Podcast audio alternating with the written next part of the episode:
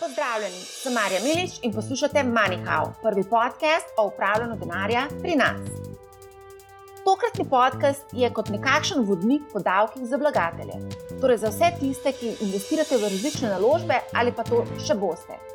Morda to ni najbolj privlačna tema za podcast, vsekakor pa je nujno za vlagatelje, da poznajo tudi davčni vidik investiranja. Za vse vlagatelje je februar pomemben mesec, saj do 28. februarja potrebno oddati napoved za odmero dohodnine za v preteklem letu ustvarjene obresti, kapitalske dobičke, dividende in tako dalje. Veliko je vprašanj na to temo, kdaj, kako, zakaj, kje, kaj pa če recimo ne. Zato bomo skozi praktične primere predstavili različne situacije, ki lahko predstavljajo davčni dogodek.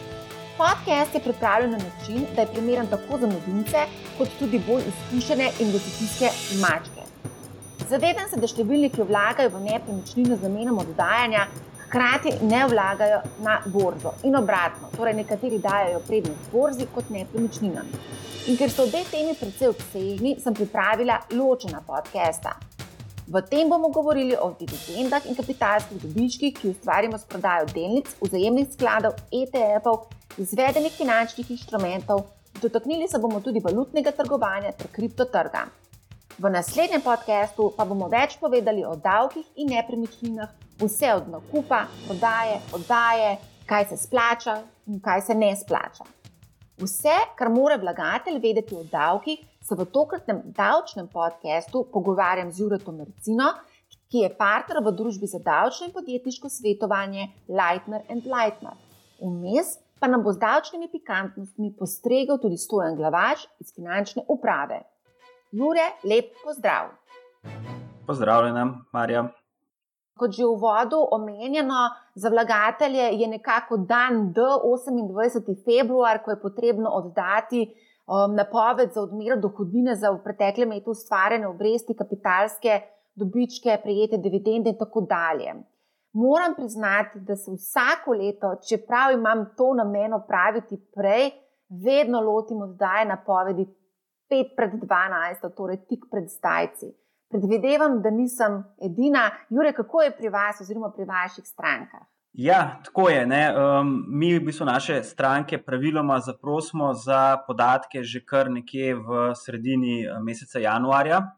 Uh, glavni razlog za to je, da sploh v primerih, ko imajo posamezniki uh, trgovalne račune v tujini, uh, so podatki uh, v obliki, ki praviloma ni uh, čist skladna z tem, kako mora izgledati davčna napoved. Torej, pač za ugotavljanje kapitalskih dobičkov ne, se uporablja metoda FIFO, je in večino tujih bank, kjer imajo te posameznike sredstva ali pa tujih platform, ne omogoča, bom rekel, čist takih izpisov za avtomatsko oddajo davčnih napovedi. To pa pomeni, da, da je potrebno še kar precej nekega ročnega dela in poizvedovanj, preden lahko uh, dobimo kvalitetne vhodne podatke za pripravo davčnih napovedi. To, da se angažiraš za vsaj pripravo dokumentacije že sredi januarja, je v bistvu odlična ideja. Bom skušala to tudi sama upoštevati uh, naslednje leto, letos sem že zamudila ta vlak. Preverila sem pa tudi na Fursu, kaj o tem pravijo, tako da predlagam, da poslušamo. Statističnega podatka nimam, ampak ja, imate prav, praktično pri vseh davčnih obveznostih in pravicah, v primeru vzdrževanja družinskih člani, tudi kjer gre za pravico. Skratka, zelo pogosto se dogaja, da zavezanci tik pred zdajci oddajajo napoved, kar glede na to, da je možna elektronska oddaja, niti ni nič narobe. Ni narobe v primeru, da posameznik zna oddati takšno napoved, torej da točno ve. V primeru vzdrževanja družinskih članov je to zadeva enostavno funkcionirala, glede na to, da so imeli na vo, zavezanci na voljo že predizpolnjen obrazec z lanskimi podatki in potem so zgolj z nekaj kliki takšno vlogo oddali. Nekaj podobnega je tudi letos pri oddaji napovedi za oddajanje premoženja v najem, ne, tudi obrazec, recimo na mobilni aplikaciji e-davki, v, tako, takšne, v obliki tako imenovanega čarovnika oziroma wizarda, kjer zavezanca lepo po korakih vodi do same oddaje.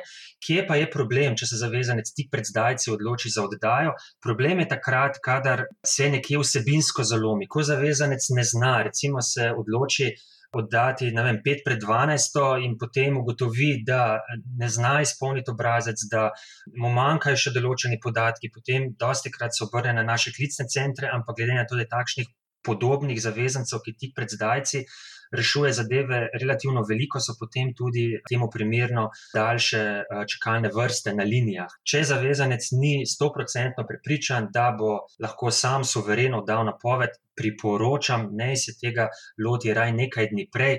Tako nam svetujejo na Fursu, torej, da se angažiramo vsaj par dni prej za oddajo napovedi. Jure, predvidevam, da se mali vlagatelji, ki imajo nekaj deset ali pa morda 100 tisoč evrov velike portfelje, ne obračajo množično na davčne svetovalce. Koliko pravzaprav so v poprečju veliki portfelji vaših strank? Ja, glavnino naših strank v bistvu predstavljajo premožnejši posamezniki, ki imajo portfelje v upravljanju pri tujih bankah.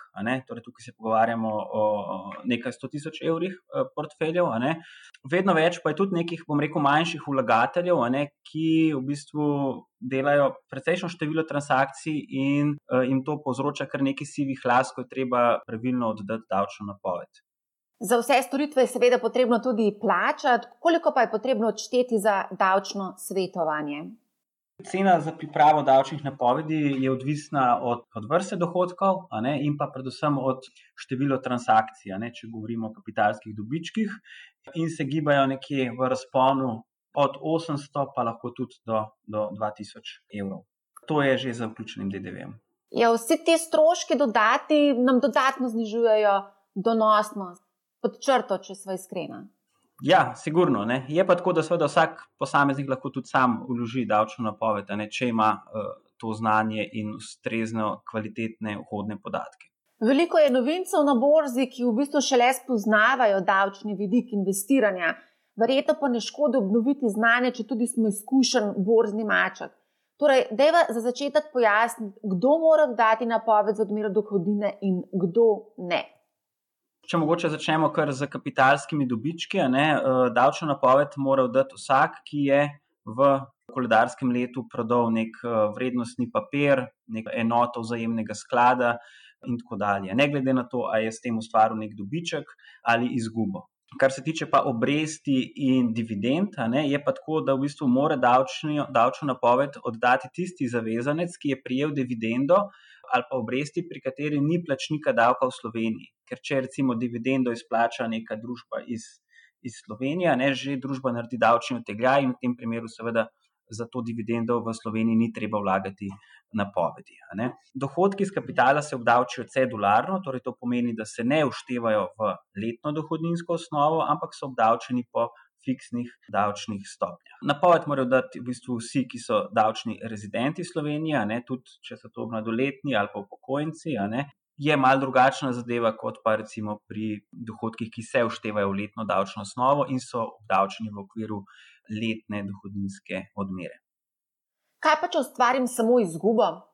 Ja, tudi v primeru izgube je treba uh, davčno napoved oddati, ker so pač taka pravila. Ne? Relevantno je torej to, ali je bila kakšna transakcija obdavčena, narejena ali ne, torej obdavčena odsvojitev, ne glede na to, kakšen je bil izplen iz te odsvojitve.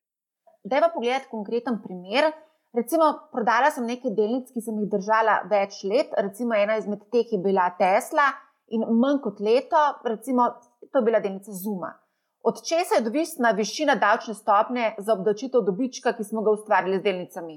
Ja, višina davčne stopnje je odvisna od trajanja imetništva nekega vrednostnega papirja in uh, pada sorazmerno z trajanjem imetništva. Ne? Vsak vrednostni papir, ki ste ga imeli do pet let, ne, je obdavčen po 27,5 odstotkov, po poteku petih let pade stopnja na 20 odstotkov, po desetih letih na 15, po 15 letih na 10 odstotkov in po 20 letih je odsvojitev kapitala neobdavčen. So pa tu tudi neke izjeme, recimo pri naložbenih življenjskih zavarovanjih si prost plačila davka že po desetih letih poznamo pač določene izjeme, eno izmed njih si že omenila, ne, torej to je recimo dohodek iz življenjskega zavarovanja, in pa seveda poznamo tudi določene naložbene kategorije, ki so neobdavčene. Ne. Recimo sem noter uh, spada recimo kakšne plemenite kovine, ki so v fizični obliki, ne, recimo kriptovalute, uh, tudi prodaja obveznic. ne, je neobdavčena, tako da so določene kategorije, ki, ki niso obdavčene. O kriptovalutah in drugih neobdavčenih naložbah bova malce več kasneje povedala. Sedaj se bova nekako fokusirala na trgovalne račune, ki jih imamo v tujini, kako je s prijavo teh računov, ali moramo FURS-u to javiti in ali FURS ve o vseh mojih transakcijah, ki jih opravim v tujini. Ja, zdaj tako je. Ne, teh računov, brokerskih, zagotovo ni treba poročati na, na finančno upravo, ne, tako kot recimo to velja za bančne račune, ki jih imate v tujini. Nisem pa čest prepričan, ali te računi zapadajo pod tako imenovane finančne račune, glede katerih poteka avtomatska izmenjava eh, podatkov med državami članicami EU. Tukaj jaz ne bi upal, ker uh, zavezan sem reči, oziroma bi jim odsvetoval, ne, da do, določene zadeve skrivajo, ne, ker na mednarodni ravni je zelo velik pritisk na avtomatsko izmenjavo uh, podatkov. Ne, ravno za, glede finančnih računov, ne, poroča se, bom rekel, stanje in pa dohodki, ki so bili prijeti na ta račun, recimo obresti, dividende in tako dalje je težko biti skrit. No? In zato tudi z tega vidika nekako bi odsvetoval to, da recimo se napove samo en del transakcij, ali pa da se sploh transakcij ne napove, oziroma da se davčne napovedi ne odda. To sem preverila tudi na Fursu. Predlagam, da kar poslušamo, kaj so nam na Fursu povedali, in pa seveda tudi, kaj se zgodi, če pozabimo slučajno prijaviti kapitalskih dobičkov ali pa dividend. Kar se tiče računov, bi rad izpostavil, da tiste račune, ki so v tujini, je treba prijaviti plačilne račune iz tujine. Če ima posameznik odprt račun v Sloveniji, potem takšnega računa ni potrebno prijaviti, ker Furs dobi podatke po uradni dožnosti. Če je posameznik opravil borzne transakcije prek tujega uh, spletnega borznega posrednika, pa je zavezan za, odda, za oddajo napovedi in tudi FURS uh, ve za račune in pa transakcije v tujini. Ne. Finančna uprava namreč že kar nekaj let preko avtomatične mednarodne izmenjave, podatke vsako leto, tako o računih iz tujine, kot tu, kot tudi uh, o dohodkih, ki so jih slovenski uh, rezidenti prejeli v tujini. Kaj pa, če recimo po nesreči pozabimo prijaviti recimo 20, 30, 70 odstotkov kapitalskih dobičkov? Kaj potem FURS v tem primeru naredi? Če posameznik ne odda napovedi, ki bi sicer moral eh, do 28. februarja, potem je za to zagrožena globa. Globa znaša od 250 do 400 evrov. In pa še ena informacija, če torej posameznik uh, sicer odda vlogo in pa v vlogi na, navede neresnične podatke, s katerimi želi namerno spraviti davčni organ v zmoto, je pa globa celo višja, iznaša nekje od 400 do 5000 evrov. Bi pa pri tem upozoril, da poleg globe, ne, ki je posamezniku naložena za neoddajo napovedi, torej pa davčna obveznost je kljub temu posamezniku naložena. Torej, če poudarjava, v vsakem primeru plačamo tako globo, kot tudi davek na kapitalski dobiček. Kaj pa v primeru, da si res pregledal nekaj in res pač pomotoma nisi prijavil? Kakšne, ali lahko se kako pokesamo, če lahko temu tako rečem. Če posameznik ne odda vlogo, bi najprej opozoril, če je samo ugotovi, da je zamudil rok, recimo 28. februar za prijavo kapitalskih dobičkov, če ugotovi, ne vem, v, v marcu, da je pozabil oddati napoved, potem lahko to posameznik stori kot samo prijavo. To pomeni, da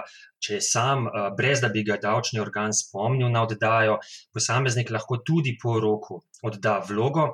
Uh, je odda kot samo prijavo, in v tem primeru ni v prekršku. Eh, sicer, ko pa enkrat davčni organ sam na podlagi kontrolnih podatkov ugotovi, da zavezanec ni vdal napovedi, napovedi, kljub temu, da je imel obdavčljive dohodke, in se potem sproži nek ugotovitven postopek, potem je pa odvisno od samega konkretnega postopka, posameznik se takrat ravna po navodilih davčnega organa.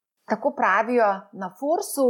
Jure, ali ste morda reševali v vašem podjetju kakšen takšen primer, ko je nekdo pozabil načrtno ali pa pač zgolj slučajno prijaviti dobiček. In kaj ste v tem primeru v bistvu vi svetovali oziroma naredili?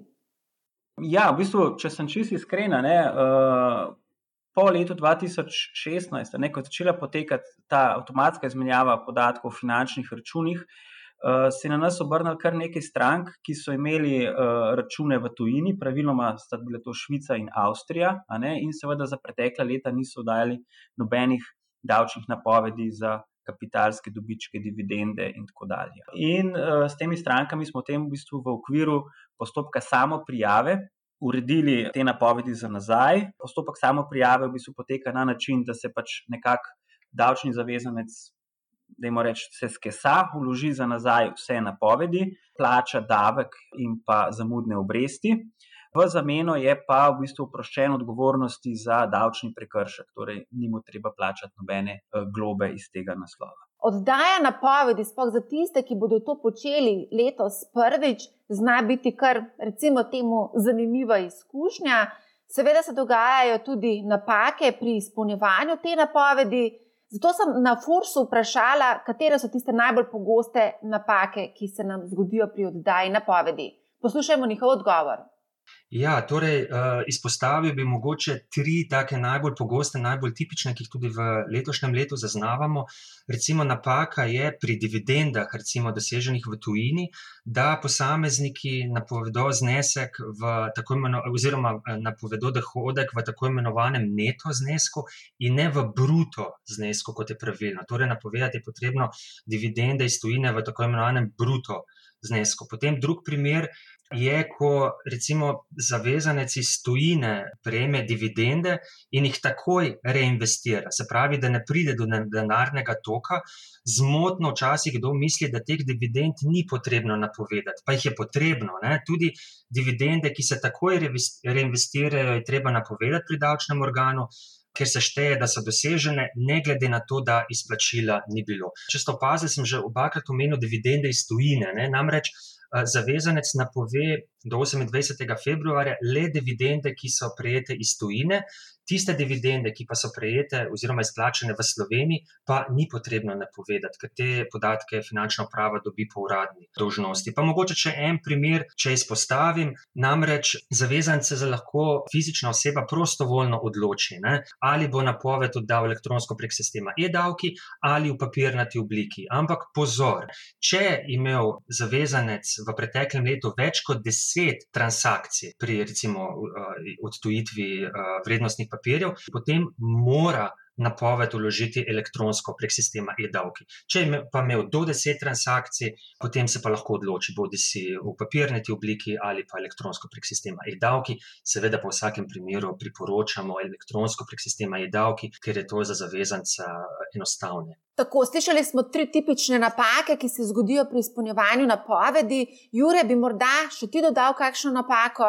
Ja, zdaj tako je. Ne, je kar nekaj specifik pri teh napovedih. Recimo, ena od napak je, kar se tiče same menjave uh, vrednostnih papirjev. Ne. Včasih pride do neke, neke, neke corporate action, da se zgodi, recimo, ali to neka pripojitev, izčlenitev preoblikovanje in tako dalje, in se v bistvu en vrednostni papir zamenja za drug vrednostni papir. In večinoma v tujini borzno-posredniške družbe oziroma platforme tako transakcijo prikažejo kot davčno neutralno, kar pa v bistvu v Sloveniji ne drži, ne? zato ker se v bistvu vsaka. Zamenjava vrednostnih papirjev se že šteje za obdavčljivo odsvojitev. Poznamo potem dve izjemi, ko je mogoče uveljavljati odlog ugotavljanja davčne osnove v primeru zamenjave. Prva je v bistvu, kadar se zamenja delež oziroma vrednostni papir v okviru združitev ali delitev, ki so davčno neutralne po tako imenovani merger direktivi. In pa drug primer je, ko gre za prehod med um, podskladi znotraj istega krovnega vzajemnega sklada. Ampak v obeh teh primerih v bistvu tukaj ni avtomatizma, za odlog je treba dati posebno vlogo, in v praksi, v večini primerov, ki smo videli, pogoji za ta odlog v bistvu niso bili izpolnjeni. In težava je, če platforma to prikaže kot davčno neutralno transakcijo, ne, potem v bistvu mora res davč, davčni zavezanec vedeti, ali je zdaj to res ali ne po slovenski davčni zakonodaji. Ne. Tako da to je en vidik, a ne drug vidik je pa seveda težava pri eh, pravilnih vhodnih podatkih, ko se ugotavlja v bistvu datum nabave, nabavna vrednost in tako dalje, zaradi uporabe te FIFO metode. Ne. To je težava, predvsem takrat, kadar je bilo veliko nekih nakupov in pa potem tudi odsvojitev. Če vi kupite en papir, pa ga potem odsvojite, je zadeva enostavna. Če ste pa vi kupovali papirje, recimo mesečno, a ne pa jih zdaj tudi odsvajali mesečno, niste vsega naenkrat prodali, je pa seveda precej zapleteno ugotavljati v bistvu samo nabavno vrednost teh papirjev. No, sedaj, ko omenjaš brokerje in različne prakse, kaj je pomembno z davčnega vidika za nas, kot vlagatelje, ko se odločamo za brokerja? Ja, zdaj tukaj mogoče bi jaz izpostavil prednost domačih brokerjev ne, v tem, da, da, da so naši domači brokerji v bistvu že razvili, oziroma večina od njih, kot jaz, po mojih informacijah, ponuja, v bistvu že kot na nek način predizpolnjeno davčno napoved v XML obliki, ki jo potem davčni zavezanec lahko precej enostavno samo uvozi v sistem e-davkov in odda, predvsem z vidika uporabe te FIFO metode. Na drugi strani, brokeri v tujini seveda niso prilagodili svojih izpisov glede na slovensko davčno zakonodajo in ne omogočajo takih XML datotek, kar pomeni, da je pa tukaj potem več dela za zavezanca, ki bo mogel sam v bistvu po izpisih tega brokerja iskati pravilne vhodne podatke. To je mogoče ena razlika, in pa druga razlika je pa, recimo, kar se tiče samega plačnika davka. Ne, zato, ker če broker v Sloveniji prejme za tuj račun nek dohodek, recimo dividende ali pa obresti, ki so predmet davčnega odtegljaja, potem v bistvu že broker tukaj v Sloveniji pod določenimi pogoji naredi davčni odtegljaj od teh dividend in obresti, in potem v bistvu davčni zavezanec niti v tem delu ne rabi vlagati davčne napovedi sam. Ja, na začetku smo že nekaj omenjali stroške in kako je za vlagatelja v bistvu pomembno, da jih ima pod nadzorom. Seveda so prednosti in pa tudi slabosti domačih brokerjev. Dejstvo je, da so domači brokeri dražji od nizkocenovnih, nizkocenovni so pa sploh zdaj aktualni med mladimi. Verjetno se je tudi marsikateri mali vlagatelj pripravljen naučiti pravilno dati napoved, kot da plačuje visoke stroške trgovanja in druge stroške, ki jih imamo s temi platformami.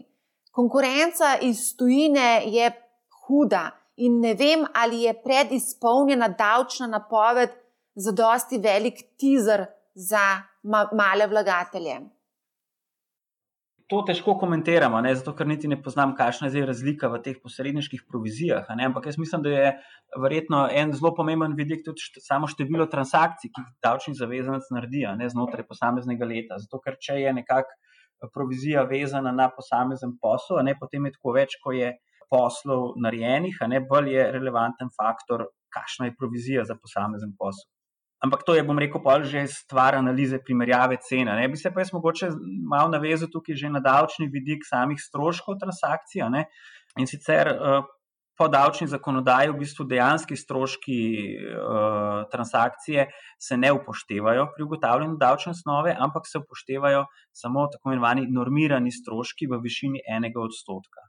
Te normirani stroški se v bistvu priznajo na način, da ob pridobitvi vrednostnega papirja za en procent povečajo nabavno vrednost papirja, in ob odsvojitvi za en procent zmanjšajo prodajno vrednost. Je pa na tem področju v preteklosti prihajalo tudi do, kar, eh, do, do določenih eh, zlorab strani davčnih zavezancev. In sicer so recimo z namenom zniževanja davčne osnove tudi v bistvu določene vrednostne papirje, recimo prodali, tudi če so recimo bodi si z dobičkom ali pa z nekim minimalnim dobičkom ali pa izgubo, ne, in so s tem, recimo, če je bila vrednost teh papirjev precej visoka, so lahko s temi enodstotnimi normiranimi stroški v bistvu si, si umetno povečevali izgubo, ki so jo potem pobotavali z, z dobički ne, na drugi strani.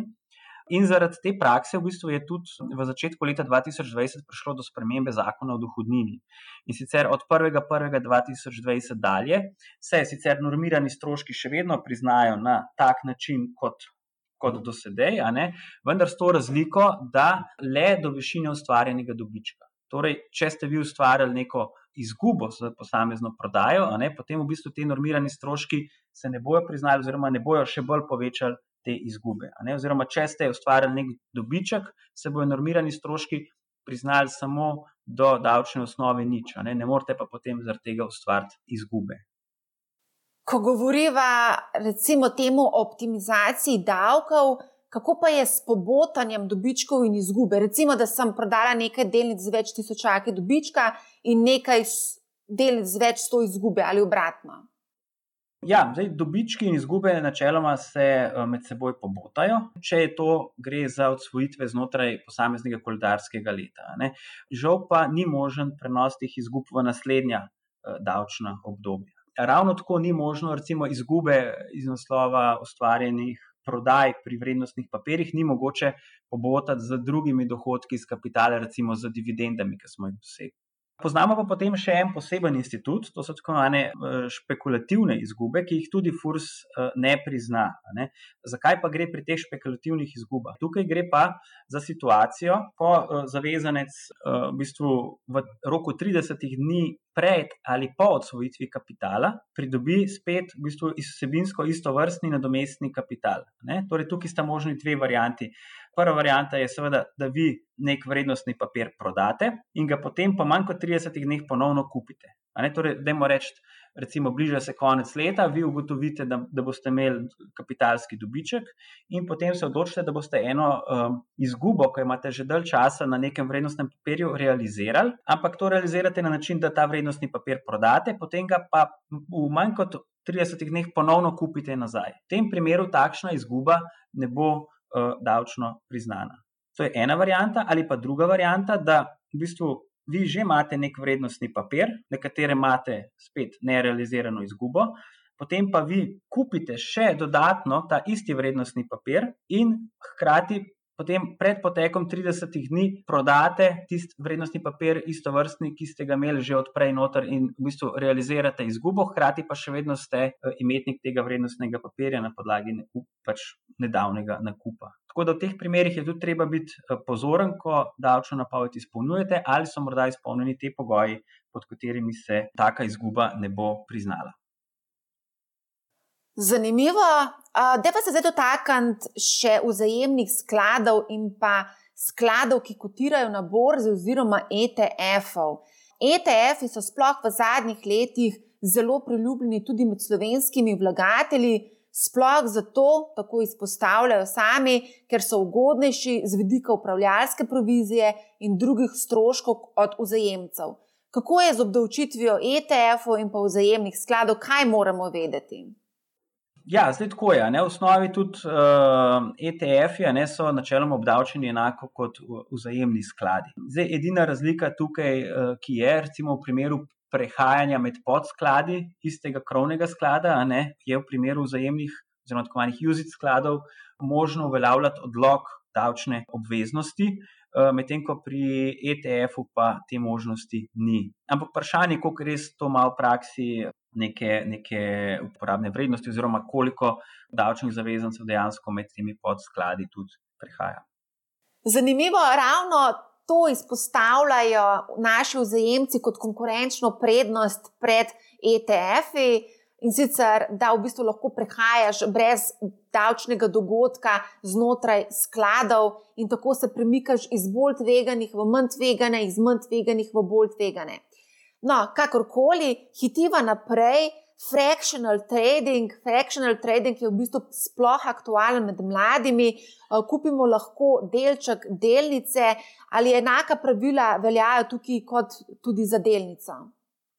Pri frakcijah delnice v bistvu uporabljajo enaka pravila, kot če bi vi odsvojili uh, celo delnico, tako da tukaj posebnosti ni. Dotakniva se še enega scenarija in sicer nisem zadovoljna s svojim brokerjem in ga želim zamenjati. Ali lahko pride do kakšnih davčnih implikacij pri prenosu portfelja na drugega brokerja?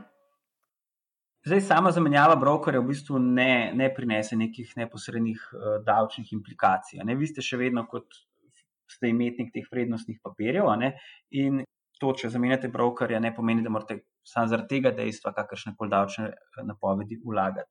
Eh, bi pa rad upozoril na eno zelo pomembno zadevo. Ne. Ko vi zamenjate brokerja, ko greste k novemu brokerju, v bistvu bo ta novi broker nabavno vrednost papirjev knjižil tisto vrednost v trenutku, ko ste, ko ste vi prenesli vrednostne papirje na njegov račun.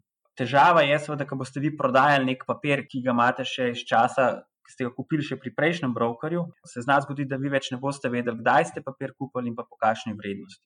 Zato, če boste šli v menjavo brokerja, je priporočljivo, da se v bistvu pridobijo še od tega prejšnjega brokerja v bistvu praktično vse zgodovinske podatke o nabavah vrednostnih papirjev. To je pa zelo dober nasvet, glede na to, da številni menjavajo brokerje, odkar so se pojavili nizko cenovci. Dotaknimo se še dividend. Najprej obdelajmo domačo borzo. Slovenski blue chipi veljajo za zelo dividendno donosne. Kako je z napovedmi v primeru, recimo, da dobiš več kot 1000 evrov dividend slovenskih blue chipov? Kako so obdavčene dividende?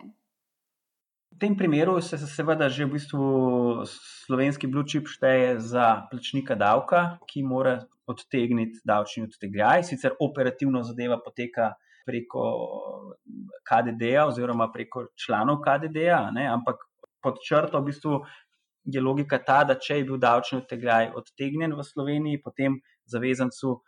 Za te dividende ni treba vlagati posebnih davčnih napovedi.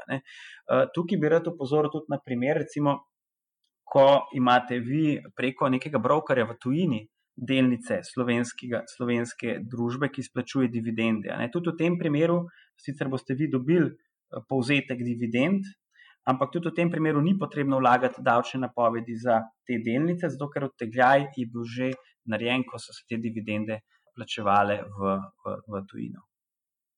Opazila sem, da je v tujini kar pogosta praksa izplačevanja dividend večkrat letno.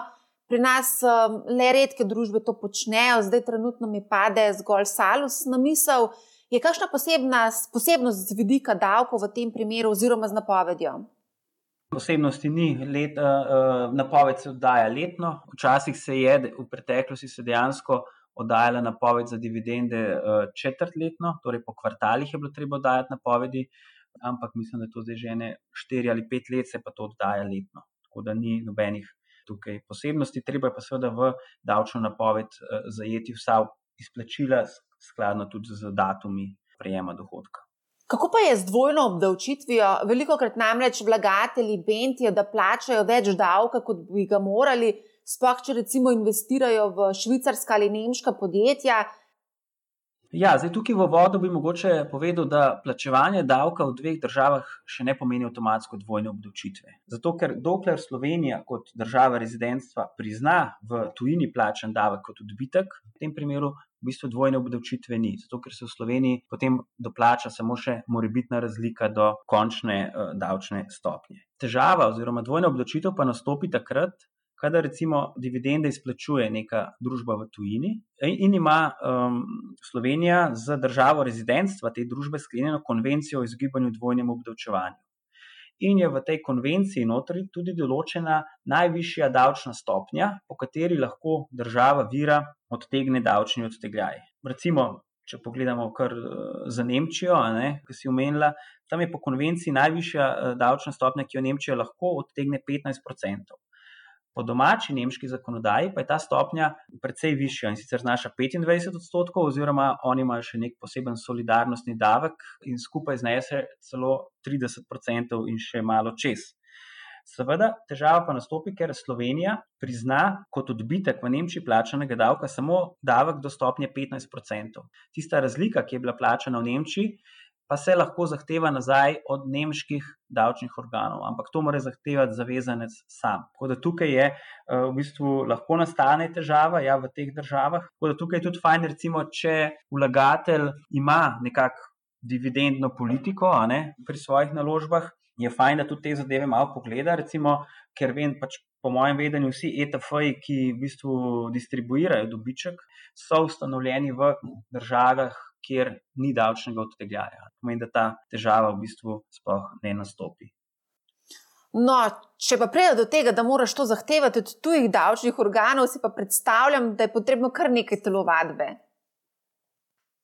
Ja, ta zadeva je kompleksna in večina davčnih zavezancev, če gre tukaj za um, nekaj deset evrov, se s tem niti ne želi ukvarjati. Evo, kličejo obveznosti, zato bom izkoristila ta zvonec, zato da napovem izvedene finančne inštrumente. Po mojem vedenju se večina slovenskih vlagateljev sicer bolj drži delnic in ETF-ov, vseeno pa se zadnje čase zelo veliko govori tudi o opcijah. Prepričana sem, da številni vlagatelji v izvedene finančne inštrumente obvladajo tudi davke, pa vendar, da je na kratko pojasniti, kako je z obdavčitvijo izvedenih finančnih inštrumentov, med katere sodijo tudi, seveda, poleg opcij, tudi terminske pogodbe, CFD in drugo. Ja, načeloma za izvedene finančne instrumente veljajo enaka pravila kot za kapitalske dobičke, kar se tiče vlaganja davčnih napovedi. Tukaj je samo ena posebnost, da če je bil izvedeni finančni instrument uh, odsvojen po manj kot enem letu imetništva, uh, se tak dobiček obdavči po stopni 40%. Torej, to je nekako zelo visoka stopnja za tako imenovane špekulativne dobičke. Eh, na kar je tudi treba biti pozoren. Ne? In pa seveda treba biti tudi pozoren, ko se davčna napoved vlaga, da se pravilno klasificira, ali gre res za izvedeni finančni instrument ali je to nek eh, vrednostni papir. Ne? Ker po naših izkušnjah pa FURS to v praksi tudi kar preverja in zahteva, da se pač, če, če, če ni bilo pravilno oddana eh, davčna napoved, da se tudi to korigira ko omenjava špekulativne dobičke, ne moreva mimo kriptovalut. Bitcoin je dobesedno poletel v nebo in marsikdo bo ustvaril kar lepe dobičke. Kako je z davki v tem primeru?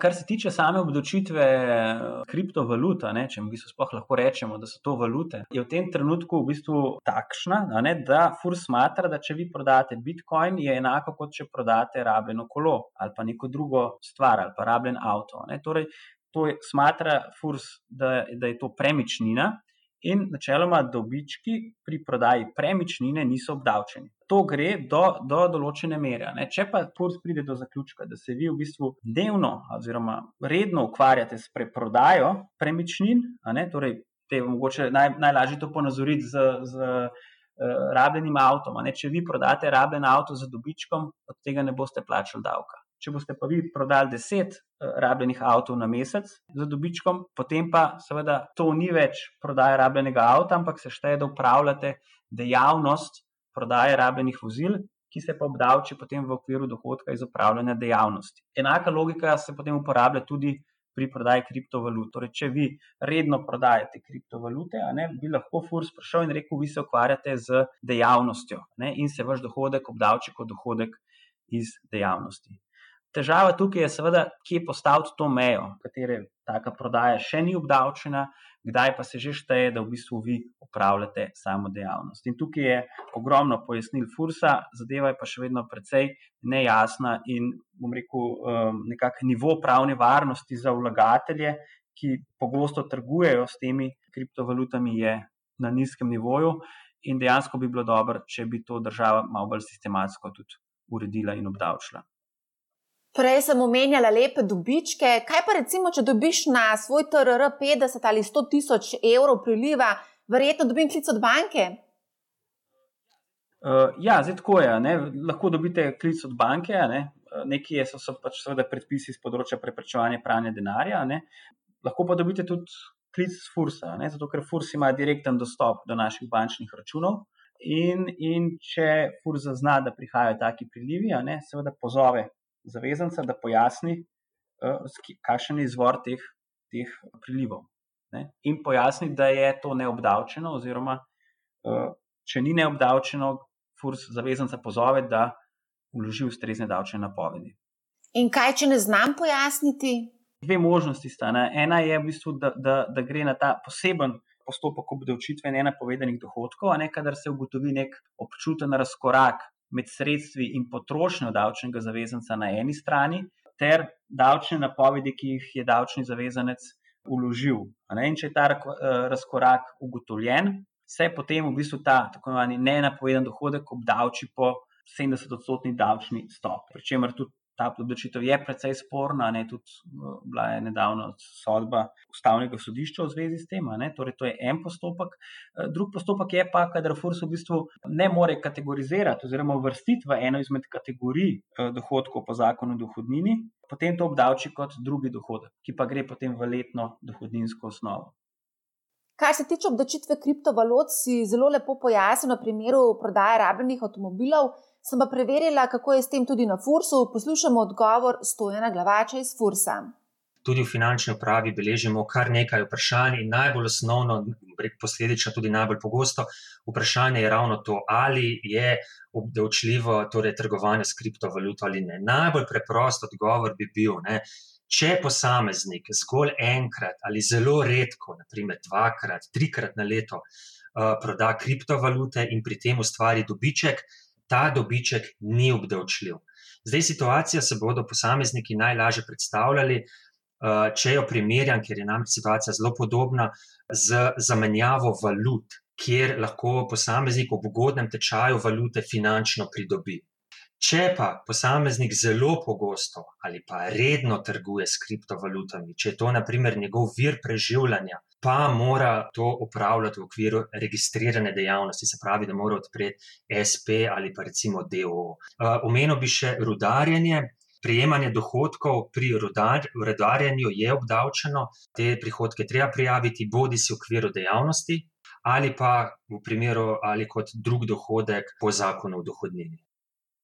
Glede na to, da tudi sami poudarjate, da je veliko vprašanj na to temo, me zanima, koliko pa je bilo ugotovljenih kršitev. Na tem področju, se pravi področju kriptovalut, je bilo upravljenih 17 inšpekcijskih nadzorov, nepravilnosti pa smo ugotovili kar v 16 primerih. In v teh 16 primerih smo zavezancem skupaj naložili za dobre 2 milijona evrov dodatnih davčnih obveznosti, eh, skupaj s pripadajočimi obrestmi. Najlepša hvala za te zanimive statistike. Očitno so naši, oziroma nekateri naši trgovalci s kriptovalutami imeli uspešno leto, davčno, potem sicer malo manj, pa vendar. Sedaj se bomo pa dotaknili malce manj razborljive teme in sicer to so obresti. Obresti na depozite so zadnja leta res mizerno nizka in težko si predstavljamo, da bi se dalo tu ustvariti kakšne resne zaslužke. Preden skočimo v podrobnosti, sem na Fursu preverila, kolikšna je bila najvišja vložena napoved odmere dohodnine od obresti na depozite v lanskem letu. Uh, ja, ta podatek imam, sicer imam podatek eh, za odmerno leto 2019, ker za 2020 se rok še ni stekel. Uh, in je zanimivo, ne? rekorder je prijavil dohodek iz obresti v višini 207 tisoč evrov. Uh, od tega pa je bil potem odmerjen davek v višini dobrih 51 tisoč evrov. Sicer je pa uh, zanimiv še en podatek, ne, torej tisti, ki imajo obresti na denarne depozite pri bankah v Sloveniji in pa Evropski uniji, torej uh, vložijo napoved zgolj v primeru, če imajo nad tisoč evrov obresti. Ne? Če imajo do 1000 evrov obresti, potem ni potrebno. In takšnih za leto 2019, ki, je, ki so imeli, torej nad 1000 evrov obresti, jih je bilo 4063.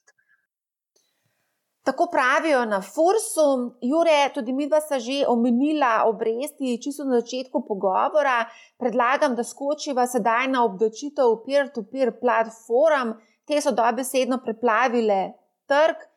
Nekatere platforme oglašujejo, da je možno ustvariti dvomestne donose na vložek. Kako pa je v tem primeru z davki? Sama definicija obresti v bistvu je, je precej široka. Ne določa, da gre za kakršno koli uh, nadomestilo za porabo denarnih sredstev. In če pač tukaj gre za obresti, mora prejemnik obresti vložiti ustrezno davčno napoved in v Sloveniji plačati davek, ki je 27,5 odstotka. Kako pa je recimo v primeru, ko recimo prijatelju, prijateljici posodiš denar, seveda to formaliziraš s pogodbo in notarsko veritvijo in pa recimo, da od nje prejmeš ali od njega prejmeš tisoč evrov obresti. Moramo to prijaviti. Te obresti so uh, v celoti obdavčene. Tukaj bi mogoče še omenil to, ne, da ta v bistvu omejitev teh tisoč evrov ne, neobdavčenih obresti, ta meja velja samo za obresti na depozite pri bankah iz Slovenije oziroma iz druge države članice EU. Vse ostale obresti, recimo iz naslova obveznic, iz naslova nekega iz naslova nekih posojilnih pogodb in tako dalje, se po celoti obdavčujejo. Za konec omeniva še eno zadevo. Številni slovenci iščejo načine, kako optimizirati davke. Recimo, en moj kolega ima precej premoženja, njegov portfelj je vreden več kot pol milijona evrov in dosti krat se poheca, da se bo odselil na Hrvaško, saj se tam oproščen, plačil, plačila davka na kapitalski dobiček že po dveh letih. Enako slišim, da, se, da o tem razmišljajo tudi nekateri upokojenci, pa podjetniki, ki so tik pred prodajo podjetja ali deleža podjetja. Ali to drži in kako lahko postanem davčni rezident Hrvaške? To drži. Hrvaška ima uh, precej konkurenčno davčno zakonodajo z vidika uh, dohodkov iz kapitala. Um, ena posebnost je ta, da že, kot si omenila, ne, po dveh letih v bistvu je kapitalski dobiček neobdavčen, pa tudi v bistvu dividende in obresti so obdavčene po stopni 12%, kar je precej manj kot, kot pri nas. Kar se tiče pa samega davčnega rezidentstva, ne, je pa v bistvu bolj, če bi vprašanje obrnili in bi rekli, ne to, kateri so pogoji, da postanete davčni rezident Hrvaške. Ne, to ni težko. Ne. Hrvaška vas bo hitro sprejela kot davčnega rezidenta. Tisto pravo vprašanje je, kaj vse je treba narediti, zato da vi postanete davčni nerezident Slovenije. Ne, ker Slovenija je tista, ki vas more, da moramo reči, spustiti iz, iz davčnih kremplov, in tukaj je pa treba izpolniti kar nekaj pogojev. Ne. Dejansko v bistvu je treba Slovenijo zapustiti, vse preseliti v drugo državo. Če ima davčni zavezanec z družino, mora ta družina iti z njim, ker če družina ostane v Sloveniji, potem bo tudi ta posameznik še vedno ostal davčni rezident Slovenije. Pomembno je tudi, da prekine nekako te stike, ne, v smislu, recimo, če ima neko nepremičnino v Sloveniji, mora prikazati, da Eh, oziroma jo dati v najem, torej, da, da mu ta nepremičnina nekako ni več na voljo v Sloveniji, tukaj zapreti bančne račune um, in tako dalje. Tako da je v bistvu dejansko treba središče življenjskih in ekonomskih interesov prenesti v drugo državo, če, če bi želeli postati davčni nerezidenti Slovenije. Hm, zanimivo. Ob tem se spomnim na razne mahinacije s socialnimi transferji, ko so se pari fiktivno ločevali, da bi plačevali manj stroška za vrtec in dobili više otroške dodatke. Torej, fiktivno se ne da preseliti na Hrvaško. Ne, to vedno davčnim zavezancem odsvetujemo, zato ker um, hitro se, se lahko zavezanec ujame v past. Mogoče lahko kot zanimivost povemo, da recimo, kadar se pojavi nek spor glede davčnega rezidentstva, ne, recimo FURS ima pogled, kdaj in kje je s kreditno kartico v Sloveniji plačeval tak davčni zavezanec. In, in dejansko predložijo ta dokaz in rečejo: Lejte, vi ste v Sloveniji praktično vsak drugi dan nekaj kupili, torej ste bili tukaj. Tako da, hkrati z, z bom rekel, napredkom informacijske tehnologije je tudi vedno, vedno težje uh, nekako um, zadeve prikrivati oziroma prikazovati lažno dejstvo. To se sliši zelo holivudsko, kot bi lovili kakšnega kriminalca s takšnimi skritimi prijemi. Ja, dejansko tako zgleda. Vsekakor to odsvetujem. No. Dobro, mislim, da smo obdelali več ali manj vse, kar je vezano na kapitalske dobičke in dividende. Dodala smo še obresti in kriptovalute, priskočil nam je z dodatnimi pikantnostmi na pomoč tudi Stojan Glavač iz Fursa, Jure Mercina iz Lightner and Lightner. Najlepša hvala za vse te zelo zanimive informacije in tudi na svete. Če se pojavi še kakšno vprašanje, pa naredimo nov davčni podcast. Tako da najlepša hvala. Ni za kaj, Marja, hvala za povabilo. Če bi želeli vedeti več o davkih in nepremičninah, zlasti pri nakupu, prodaji, oddaji, vas vabim k poslušanju podcasta Money House. Bomo tudi o tem govorili v prihodnjem podkastu. Če vam je bil ta podcast všeč, se naročite na njega, skušali bomo dati čim več praktičnih nasvetov, kako pametno upravljati z denarjem. Poslušajte torej Money House, ne bo vam žal. Lep pozdrav!